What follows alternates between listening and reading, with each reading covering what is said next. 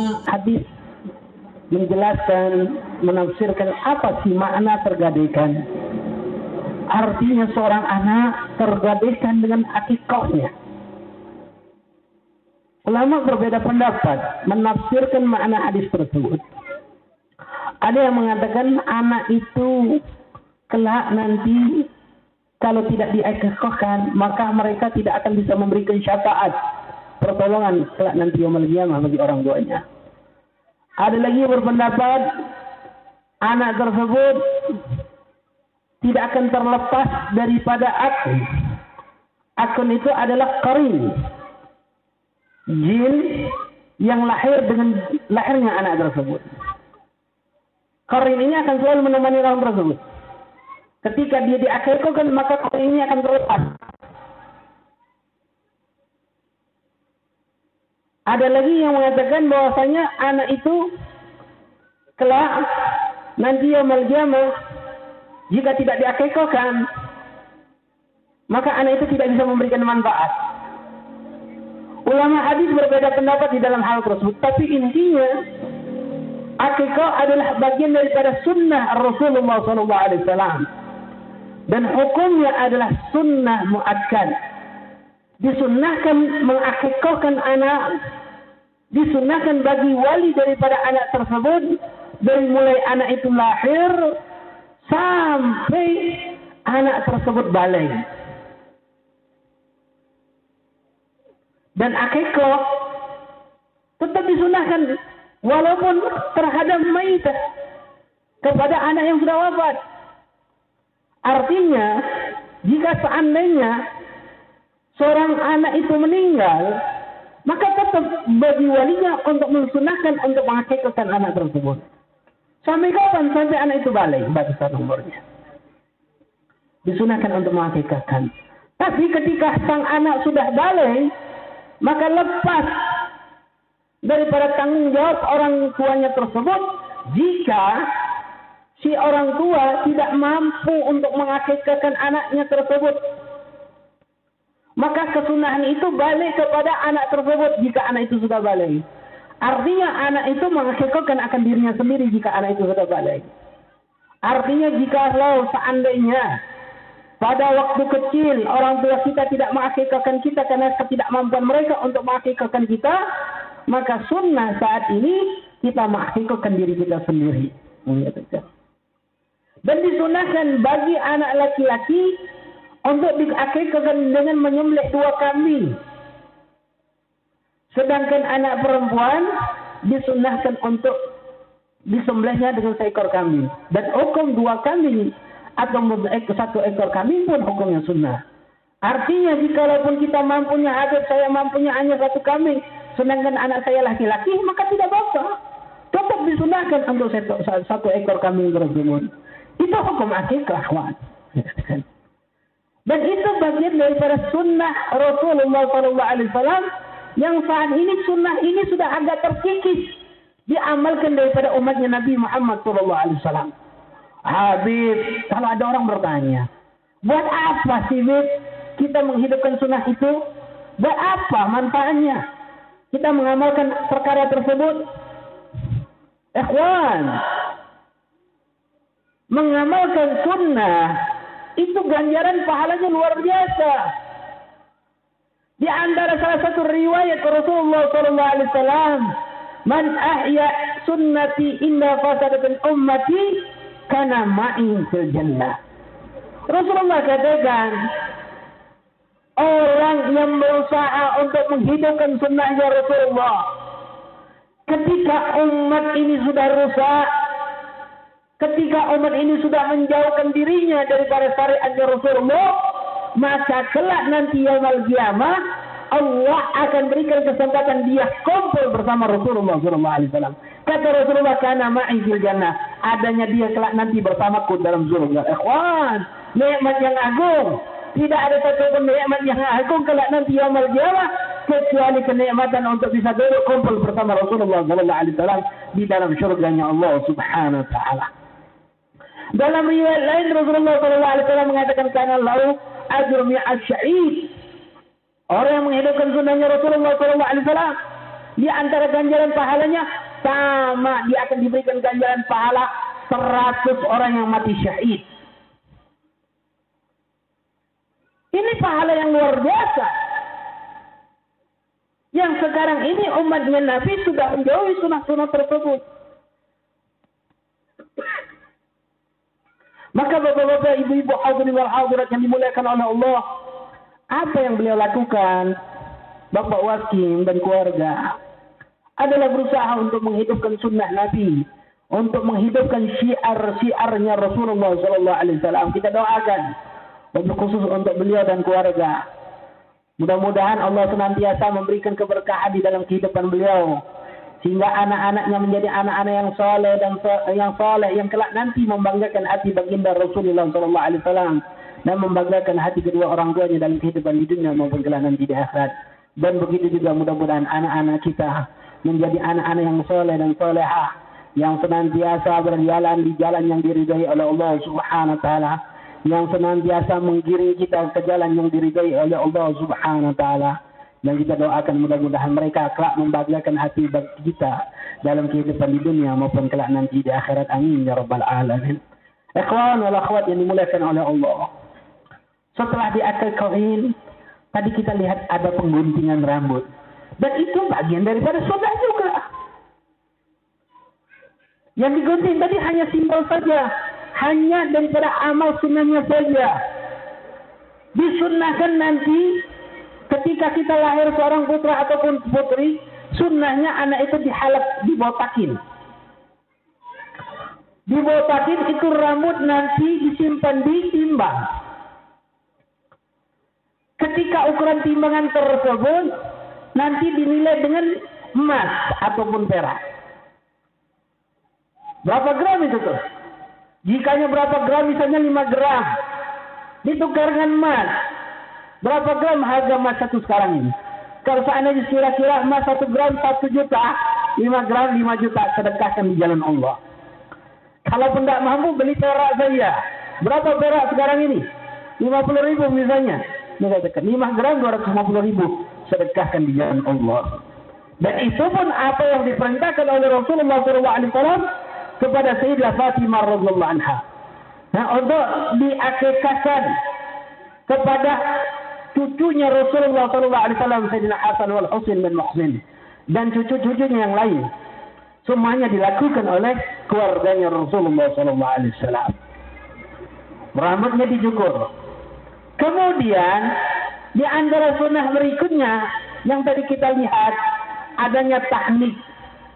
Tahnik itu adalah kurma yang di dikunyah oleh orang saleh oleh orang-orang kiai, ustaz ataupun habaib. Lalu kurma tersebut dicampur dengan air ludah tersebut dimasukkan di mulut anak tersebut. Dan teknik ini pun sudah sangat jarang sekali diamalkan. Padahal itu bagian daripada sunnahnya Rasulullah Sallallahu.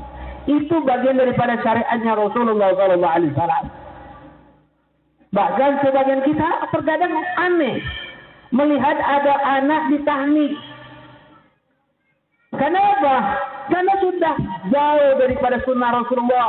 Sudah sunnah tersebut jarang diamalkan oleh mereka masyarakat kita orang. Maka daripada itu bapak-bapak, ibu-ibu, hadirin wal hadirat yang dimuliakan oleh Allah. Jika kita kelahiran seorang putra ataupun putri, maka sunnah adakan perayaan. Perayaan yang seperti ini. Membaca maulid. Membaca pujian-pujian kepada Rasulullah SAW syair-syair yang dipuji kepada Rasulullah, syair pujian kepada Allah, syair pujian kepada mereka orang-orang salihin adalah bagian daripada apa yang dianjurkan oleh Rasulullah SAW.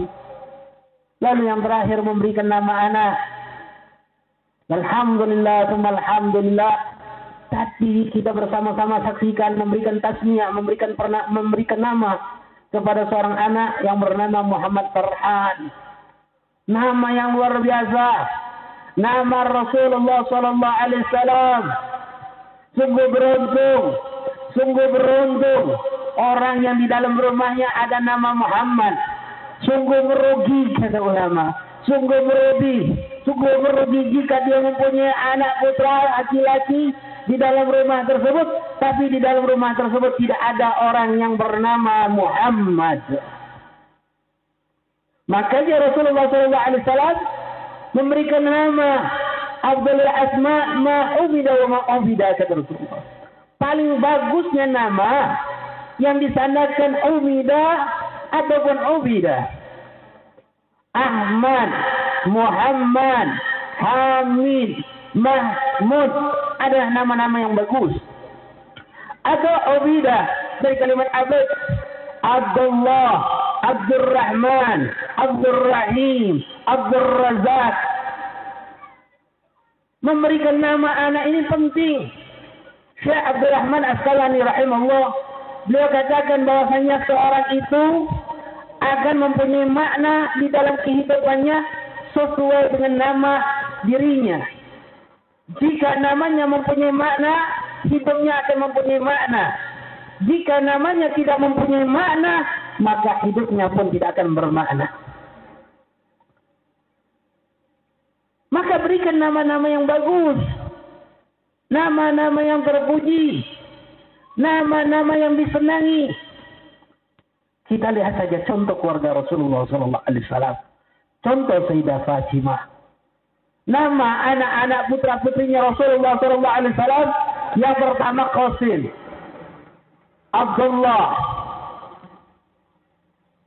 Zainab, Rugaya, Ummu Kulsum, Fatimah, dan Ibrahim. Tujuh putra putrinya Rasulullah SAW. Rasulullah yang memberikan nama. Lihat apa yang terjadi kepada Sayyidina Hasan, Sayyidah Fatimah Zahra radhiyallahu. Ketika Sayyidah Fatimah melahirkan seorang putra, maka pada saat itu Rasulullah SAW bertanya kepada Sayyidina Ali, Ya Ali, kau mau beri siapa nama cucuku ini? Maka pada saat itu Sayyidina Ali yang senangnya dengan perang, dia mengatakan, Ya Rasulullah, harb ya Rasulullah. Perang ya Rasulullah, nama putraku. Kaget Rasulullah. Kata Rasulullah. Nah, kasih nama Hazan. Lahir lagi seorang putra tanya lagi, ya Ali mau kasih siapa nama cucuku ini?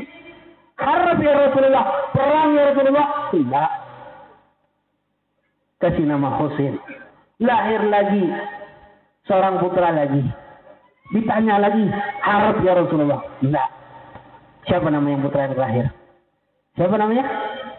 Muhsin.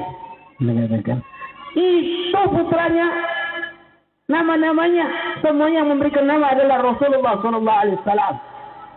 Lalu nama yang perempuan daripada putri putri Sayyidina Ali, cucu-cucunya Rasulullah Sallallahu Alaihi Wasallam, Sayyidina Fatimah memberikan nama siapa?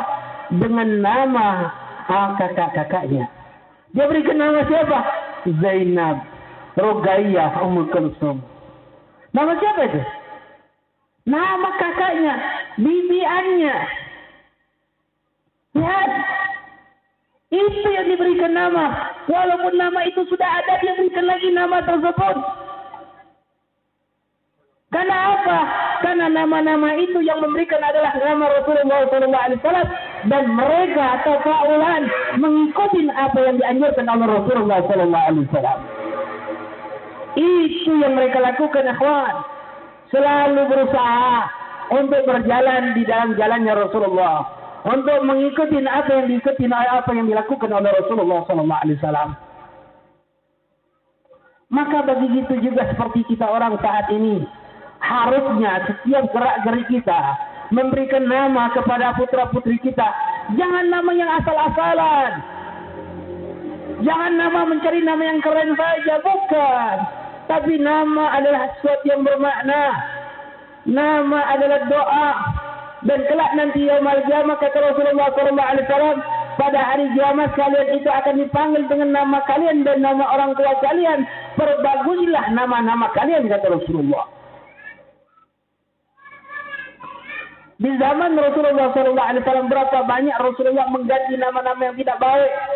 Datang seorang sahabiah, datang seorang sahabat, ketika ditanya namanya siapa, maka ketika nama tersebut tidak baik, langsung diganti oleh Rasulullah Wasallam dengan nama-nama yang bagus. Maka daripada itu kata ulama, sunnah bagi kita memberikan nama yang terbaik jikalaupun nama kita tidak baik. Sunnah untuk kita ganti nama-nama tersebut. Nama kita tidak mempunyai makna. Ganti. Apa habis ganti semuanya? Harus potong kambing lagi? Enggak. Enggak harus potong kambing, enggak harus ganti KTP, kakak enggak harus. Tapi namanya diganti saja.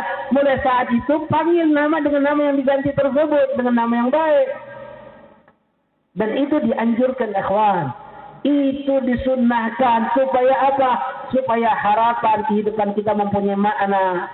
Makna yang bagaimana? Makna di dalam kehidupan yang menjadikan kita lebih baik dalam kehidupan di dunia maupun kelak nanti yaumul qiyamah.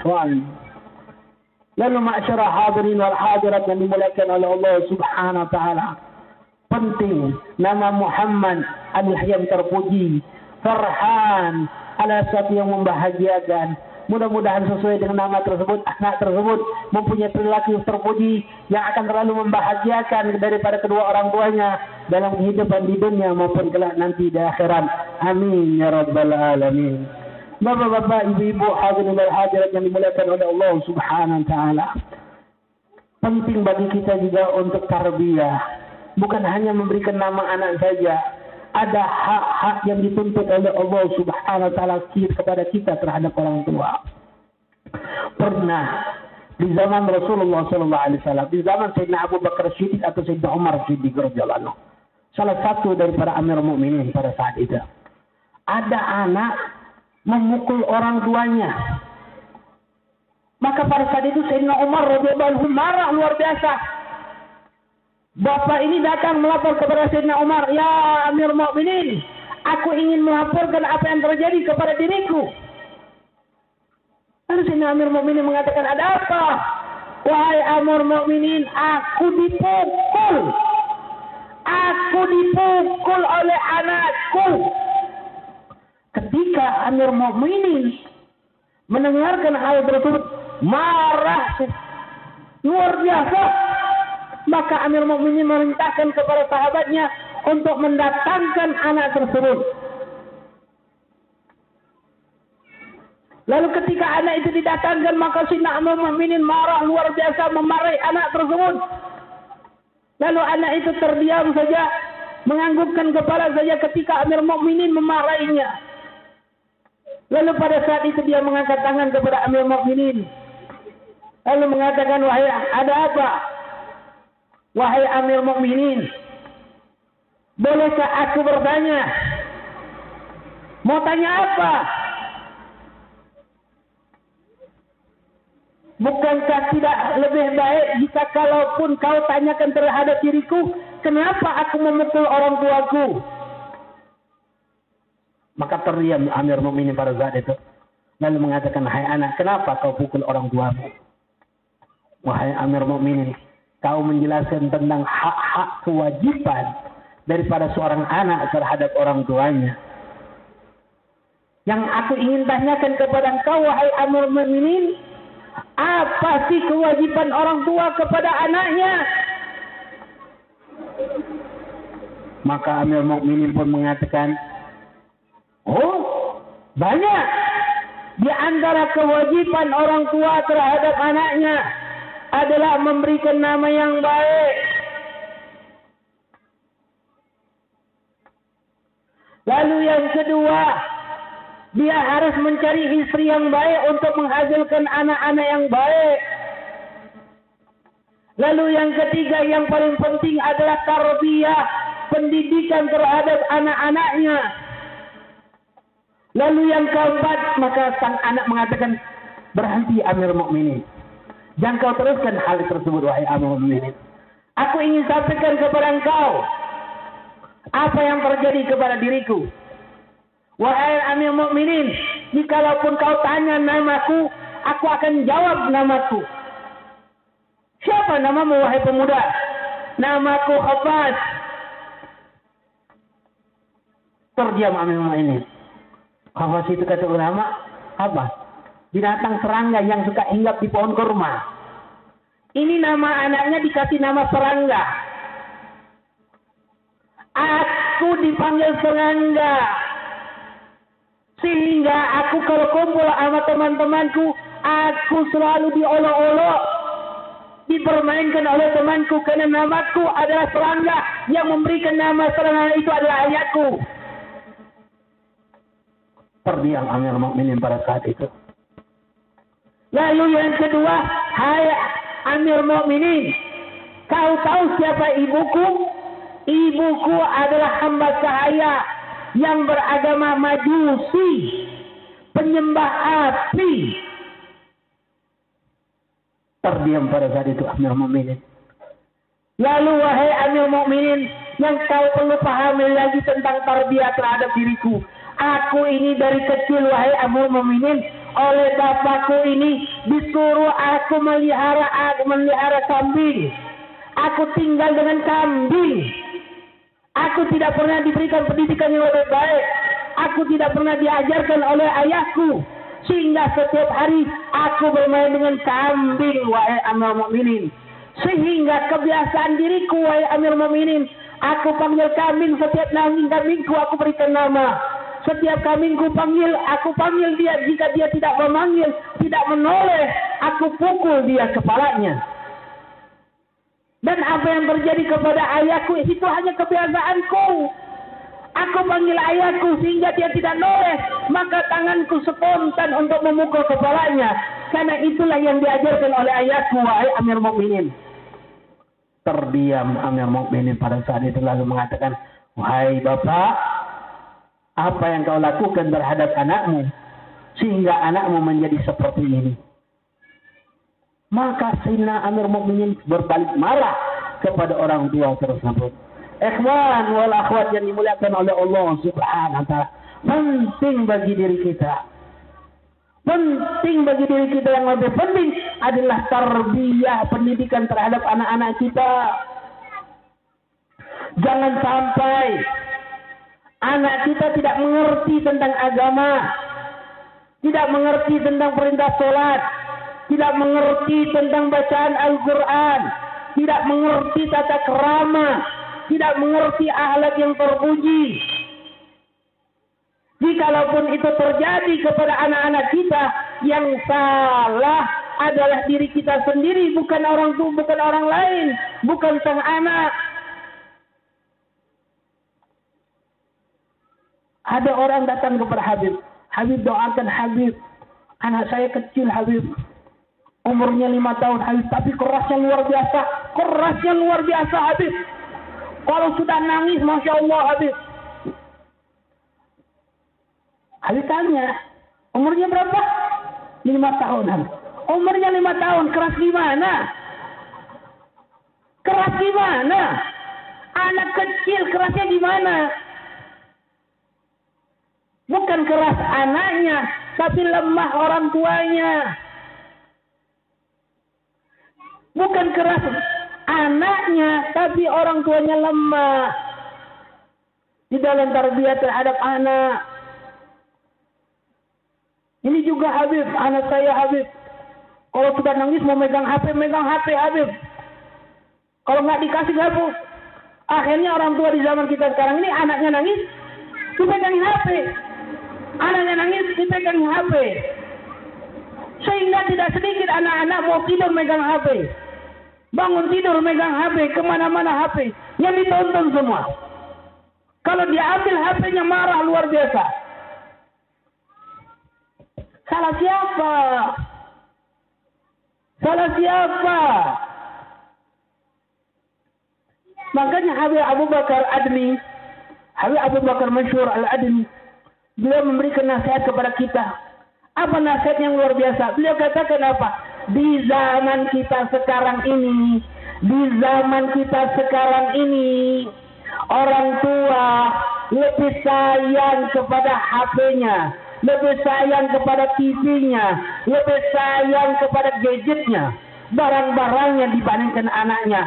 Kenapa? Berapa banyak orang tua di zaman sekarang ini jika anaknya merusak HP-nya, merusak TV-nya, merusak gadgetnya, barang-barangnya, maka orang tua tidak segan-segan untuk menghukum anaknya, tidak segan-segan untuk memukuli anaknya.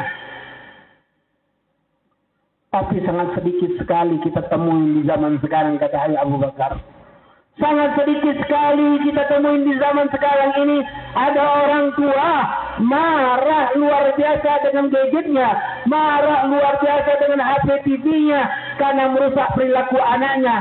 Sangat sedikit ada orang tua menghancurkan HP-nya karena perilaku anaknya rusak. Menghancurkan TV-nya karena merusak perilaku anaknya. Apakah ada di zaman kita sekarang ini orang tua membanting HP anaknya. Kenapa? Karena merusak perilaku anaknya. Ada orang tua menghancurkan TV-nya. Kenapa? Karena TV merusak perilaku anaknya.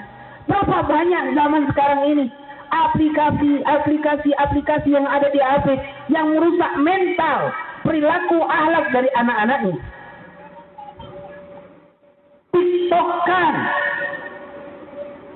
Bukan main. Anak-anak perempuan kita, anak-anak laki kita, dia joget, dia rekam, dia sebarkan kepada orang lain. Kita orang tuanya tersenyum melihat anaknya joget-joget. Hai Pak, hai Bu, apa Rasulullah ridho dengan apa yang Anda lakukan? Apakah Rasulullah ridho melihat anak melihat anak Anda seperti itu? Apakah Rasulullah ridho dengan kita orang? Ya di zaman sekarang ini semuanya ada tiktokan, joget. Tanyakan kepada diri kita. Lihat ketika dia joget-joget seperti itu. Apakah Rasulullah ridho dengan apa yang mereka lakukan seperti itu? Sulit Rasulullah untuk ridho dengan hal-hal seperti itu. Sulit ikhwan. Makanya perhatikan karena anak adalah tuntutan yang diwajibkan oleh Allah kepada kita orang. Mereka itu tuntutan kelak nanti yaumul jamaah. Dalam riwayat hadis yang sahih, orang yang pertama kali yang akan menuntut kita orang, orang yang pertama kali yang akan menuntut kita orang, sebelum orang-orang lain adalah anak dan istri kita. Perhatikan HP-nya. Perhatikan sholatnya. Perhatikan pergaulannya. Perhatikan. Karena kewajiban. Bagaimana salafus solihin mereka memperhatikan anak-anak mereka. Bahkan di dalam pergaulan, jika mereka melihat anaknya bergaul dengan orang-orang yang tidak baik, itu diambil anaknya, dibawa masuk. Sehingga diceritakan Habib Abdul Zadir, Habib Abu Bakar bin Abdullah Ali Rasul Akbar. Habib Abu Bakar bin Abdullah Ali Rasul Akbar, putra daripada Habib Abdullah bin Abu Bakar Ali Rasul Akbar. Habib Abu Bakar itu ketika membaca kitab al-ihya bab muhlikat bab yang membinasakan menceritakan tentang sifat ujub bangga sombong iri dengki dan berbagai macamnya.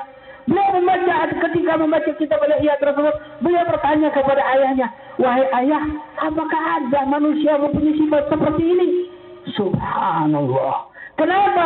Karena sang ayah menjaga anaknya jangan sampai pernah mengerti ada sifat sombong dalam kehidupan dunia.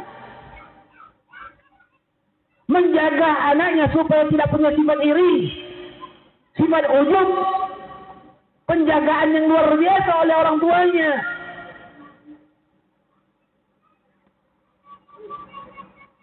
Itu mereka orang salihin.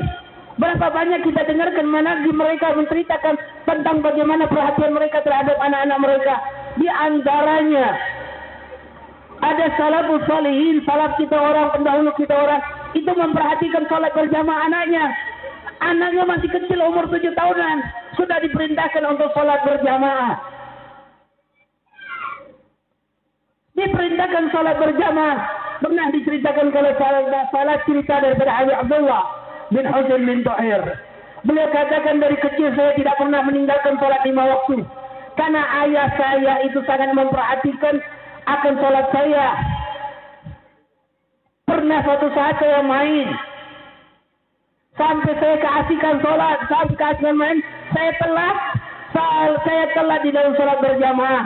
Saya tidak mendapatkan takbiratul ihram bersama imam. Setelah itu saya sholat. Setelah pulang ayah saya nanya. Ditanya oleh ayah saya, wahai Abdullah, kau sholat? Iya ayah, saya sholat. Sholat di mana? Di masjid itu, wahai ayah. Siapa samping kananmu? Fulan ayah. Siapa samping kirimu? Fulan ayah. Maka ayah Abdullah dikatakan, lalu semenjak itu ayahku langsung menuntun diriku, ayo kita pergi ke rumah si Fulan. Ayo kita pergi ke rumah si Fulan. Ayah mau tanya, apakah benar kau sholat di samping bulan? Digedor tuh rumah orang. Pas dibuka adalah Habib Idrus. Mereka kaget, wahai Habib, ada apa? Saya mau nanya, ini anak saya sholat di samping kamu tadi. Benar apa? Oh iya Habib benar dia sholat samping saya tadi. Oh terima kasih. Ayo sebelah kirinya ke mana rumah si Fulan? Ayo kita ke rumah si Fulan. Lihat, Perhatian mereka terhadap sholat lima waktu. Perhatian mereka di dalam sholat berjamaah. Perhatian mereka terhadap pergaulan anak-anak mereka orang. Bukan sepele memperhatikan anak. Bukan sepele. Makanya ada beban besar pertanggungjawaban. Kita ini diberikan anak bukan hanya sebatas anak saja, tapi anak itu adalah hal yang amanat yang dititipkan oleh Allah kepada kita. Amanatnya apa? Amanatnya apa? Amanatnya menjadikan anak itu menjadi anak yang soleh ataupun soleha itu amanatnya. Jika anak itu tidak menjadi soleh dan soleha, pertanggungjawaban di hadapan Allah nantinya kita orang. Masya Allah. Luar biasa, ikhwan. Luar biasa. Di zaman kita sekarang ini Masya Allah. Kita lomba-lombaan. Lomba-lombaan dengan apa? Dengan TV. Lomba-lombaan dengan HP. Merebut hati anak kita orang. Merebut hati anak kita orang. Habib merasa jadi orang tua. Sulit mendidik anak. Bukan main luar biasa sulitnya susahnya. Di rumah Masya Allah ketika dia keluar rumah. Ada saja yang dibawa dari luar rumah. Bahasa-bahasa yang tidak baik.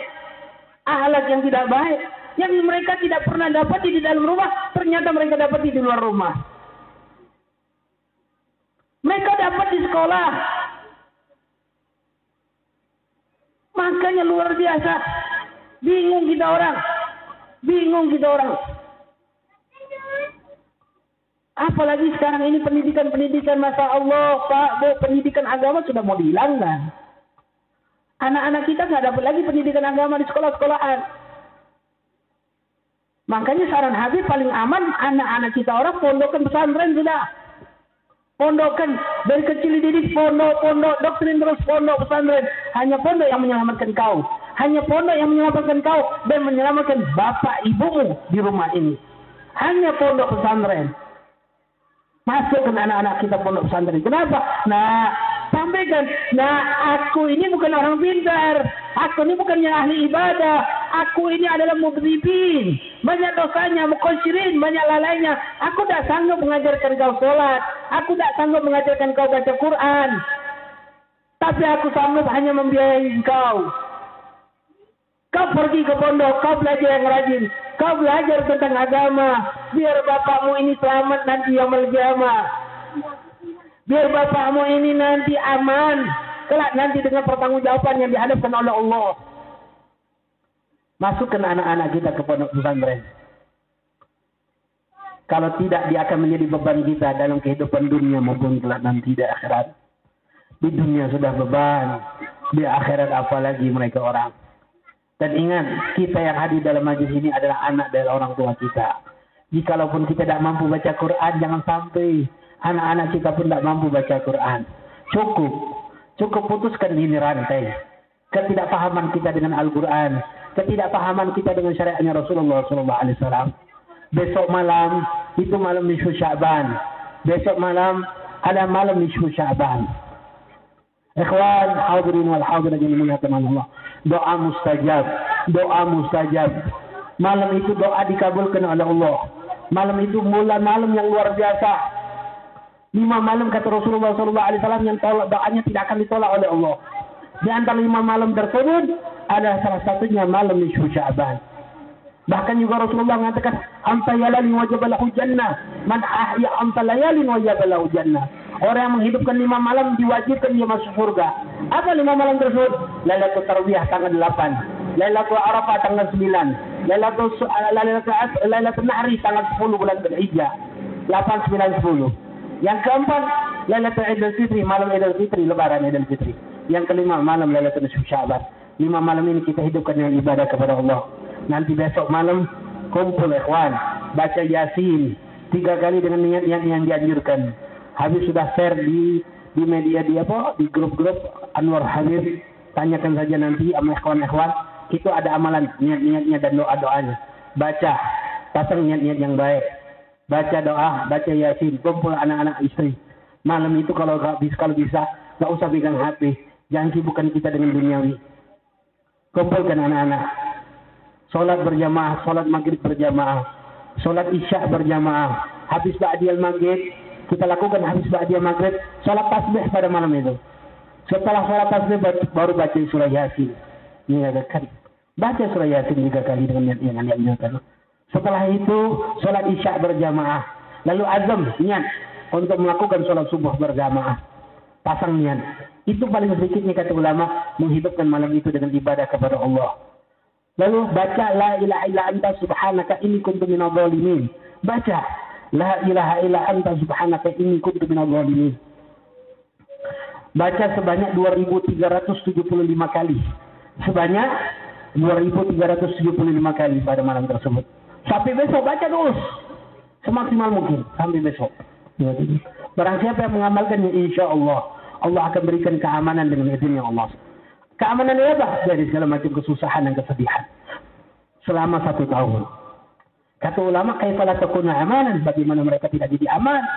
Karena Abdullah bin Abbas Rasulullah sallallahu alaihi wasallam Rasulullah sallallahu alaihi wasallam berkata lakukan doa Yunus ajiban doa saudaraku Yunus itu sangat luar biasa awalnya tahlil la ilaha illa anta pertengahannya tasbih subhanaka akhirnya pengakuan dari dosa ikramina dzunub ini kuntu minadz zalimin aku termasuk orang yang berdoa berdoa berbuat zalim ya Allah Kata Rasulullah sallallahu alaihi wasallam mengatakan mada abi mahmum wala maghlum wala makrub wala madyun illa istijibal salafa malar fil yawm illa istijibalah kata Rasulullah. Tidaklah seorang yang membacanya dalam keadaan susah, sedih, kesulitan, banyak hutang, tiga kali saja setiap hari dia baca, Allah akan lepaskan kesemuanya tersebut. Allah akan lepaskan kesusahan, kesedihan, banyak yang hutang, kesulitan. Allah lepaskan. Apalagi malam yang penuh dengan ijazah, malam yang penuh, malam mustajab doanya. Kita baca sebanyak 2375 kali maka insya Allah dengan izinnya Allah Subhanahu Wa Taala Allah akan memberikan keamanan kepada kita. La ilaha illa anta subhanaka inni kuntu minadh sebanyak 2375. Kenapa harus jumlah bilangan tersebut? Itu jumlah bilangan sebanyak jumlah bilangan abajada di dalam kalimat la ilaha illa anta subhanaka inni kuntu minadh dhalimin.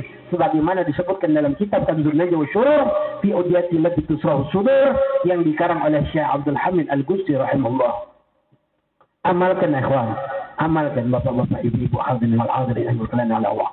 Amalkan dalam malam tersebut perdekat diri kita kepada Allah Subhanahu wa taala. Maksimal mampukan malam itu doa mustajab. Malam itu ada malam pengampunan doa pengampunan rahmatnya Allah. Malam tersebut. Malam di Syaban terkenal. Malam gantinya ajal. Karena jika datang pada malam di Syaban kata Rasulullah sallallahu alaihi wasallam, "Nasakha malaikatul maut man yamut ila Syaban ila Syaban." Allah perintahkan malaikat maut untuk menghapus orang yang mati dari Syaban ke Syaban atau menentukan orang yang hidup dari Syaban ke Syaban. Atau menentukan orang yang mati dari Syaban ke Syaban. Itu pada malam Isu Syaban. Kata ulama beberapa riwayat menjelaskan itu penentuan itu adalah kekematian ajal, amal, dan rezeki pada malam Isu Syaban. Tapi paling banyak riwayat tersebut adalah penentuan tentang ajal pada malam nisfu Syaban. Doa minta kepada Allah Subhanahu wa taala supaya Allah panjangkan umur kita dan awal afiat selamat. Minta juga kepada Allah pasang niatnya. Setiap baca yasin itu pasang juga niatnya supaya Allah menjauhkan kita daripada balak musibah. Jauhkan negara Indonesia ini daripada balak musibah. Allah angkat ini musibah corona. Allah hilangkan kebeleman-kebeleman yang terjadi di tempat kita. Minta kepada Allah. Minta keselamatan untuk ulama-ulama kita. Minta kepada Allah subhanahu wa ta'ala. Malam nisfu Syaban. Karena doa itu mustajab. Malam penuh ampunan rahman. Kecuali memang beberapa orang kata ulama kata riwayat hadis Rasulullah SAW orang tersebut tidak akan pernah mendapatkan rahmat dan ampunan Allah. Siapa mereka? Musyrik orang yang menyebutkan Allah. Musahin orang yang suka bertengkar, asyar, orang yang suka mengambil pajak dari orang lain. Orang yang memutuskan silaturahmi, orang yang suka mabuk-mabukan, orang yang suka berzina, orang yang suka durhaka kepada orang tuanya, orang yang mempunyai sifat rofidi, membenci para sahabat Rasulullah, yang membenci keluarganya Rasulullah Wasallam. Musyawir, orang-orang yang suka melukis, yang di dalam rumahnya ada patung, foto-foto hewan, itu malaikat rahmat tidak mau masuk. Rumah kita nih ada lambang Garuda di kursi. Suka nggak seperti ini? Lambang Garuda. Gini. Ada ya? Malaikat Rahman nggak mau masuk dalam rumah. Ada patung-patung hewan. Patung kuda. Patung kelinci. Asbaknya ada Garudanya. Lukisan kuda. Lukisan ikan koi. Binatang. Malaikat Rahman tidak mau masuk. Spraynya. Spraynya gambarnya burung-burungan. Malaikat Rahman nggak mau masuk. Dalam kamar mandinya ada keramik. Nih, gambarnya ikan-ikanan. Malaikat Rahman nggak mau masuk. Malaikat Rahman, ingat. Malaikat Maun masuk dia pas waktunya nggak izin ya. Malaikat Rahman, kalau malaikat Rahman nggak masuk, rahmatnya Allah nggak sampai. Artinya kita ini sulit untuk ibadah. Habib, kenapa saya sulit untuk ibadah? Lihat dalam rumahmu, adakah hal-hal yang mencegah kau mendapatkan rahmatnya Allah sehingga kau sulit untuk ibadah? Malaikat rahmat tidak mau masuk jika ada hal-hal seperti itu. Orang yang suka melukis, orang yang suka bikin patung, malaikat rahmat akan memberikan ampunan dan rahmatnya Allah pada malam tersebut. Malaikat rahmat itu nggak mau masuk jika ada gambar, lukisan-lukisan seperti itu, patung. Ada orang junub, ada anjing, melihara anjing dalam rumah. Malaikat rahmat nggak mau masuk. Hindari ya kawan. Kenapa kalau kita sulit ibadah? Itu di antara salah satu. Kenapa kita kok sulit untuk dekat kepada Allah? Itu salah satunya. Kenapa kita sulit untuk bertaubat kepada Allah? Itu salah satunya di antaranya. Kita tidak mendapatkan rahmat. Makanya pada malam tersebut, malam penuh ampunan rahmatnya Allah. Jika kita melakukan perbuatan-perbuatan maksiat tersebut, berusaha untuk bertaubat kepada Allah Subhanahu wa taala. Dan mudah-mudahan kita yang hadir dalam majlis ini bisa disampaikan pada malam nisfu disampaikan kepada malam Ramadan. Diberikan kesempatan untuk ibadah kepada Allah Subhanahu wa taala. Dan juga kita yang hadir dalam majlis ini mudah-mudahan kita yang semuanya kumpul dalam majlis ini tidak kita keluar dari majlis seperti ini kecuali Allah Subhanahu wa taala sudah mengampuni seluruh dosa-dosa kita. Dosa orang tua kita dosa guru-guru kita meluaskan rezeki kita mengabulkan hajat-hajat kita memanjangkan umur kita dalam ta'awal afiyah salama lalu Allah matikan kita dalam keadaan husnul khatimah. Dan juga kita mintakan kepada Allah Subhanahu wa taala untuk kita, untuk orang yang kita cintai, orang yang mencintai kita, atau orang yang tidak senang kepada kita, atau orang-orang yang pernah berbuat baik dalam hidup kita, atau orang-orang yang pernah kita zalimi atau yang menggalimi kita dari kaum muslim musliman. Kita mintakan kepada Allah Subhanahu wa taala, mudah-mudahan Allah ampuni dosa kita dan dosa mereka. Lalu Allah matikan kita dan mereka dalam keadaan husnul khatimah يا الله بها يا الله بها يا الله بحسن الخاتمة قال رسول الله صلى الله عليه وسلم أفضل ما قلت أنا والنبينا من قبلي لا إله إلا الله.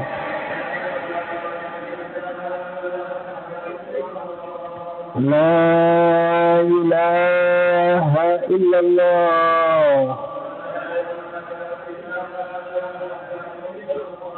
لا إله إلا الله. محمد رسول الله. كلمة حج على هنا نمول على النبي إن شاء الله تعالى من العاملين. آمين آمين يا رب العالمين. اللهم ارزقنا بحم نبيين حول المصلين شرعة لله ملكة المقربين اللهم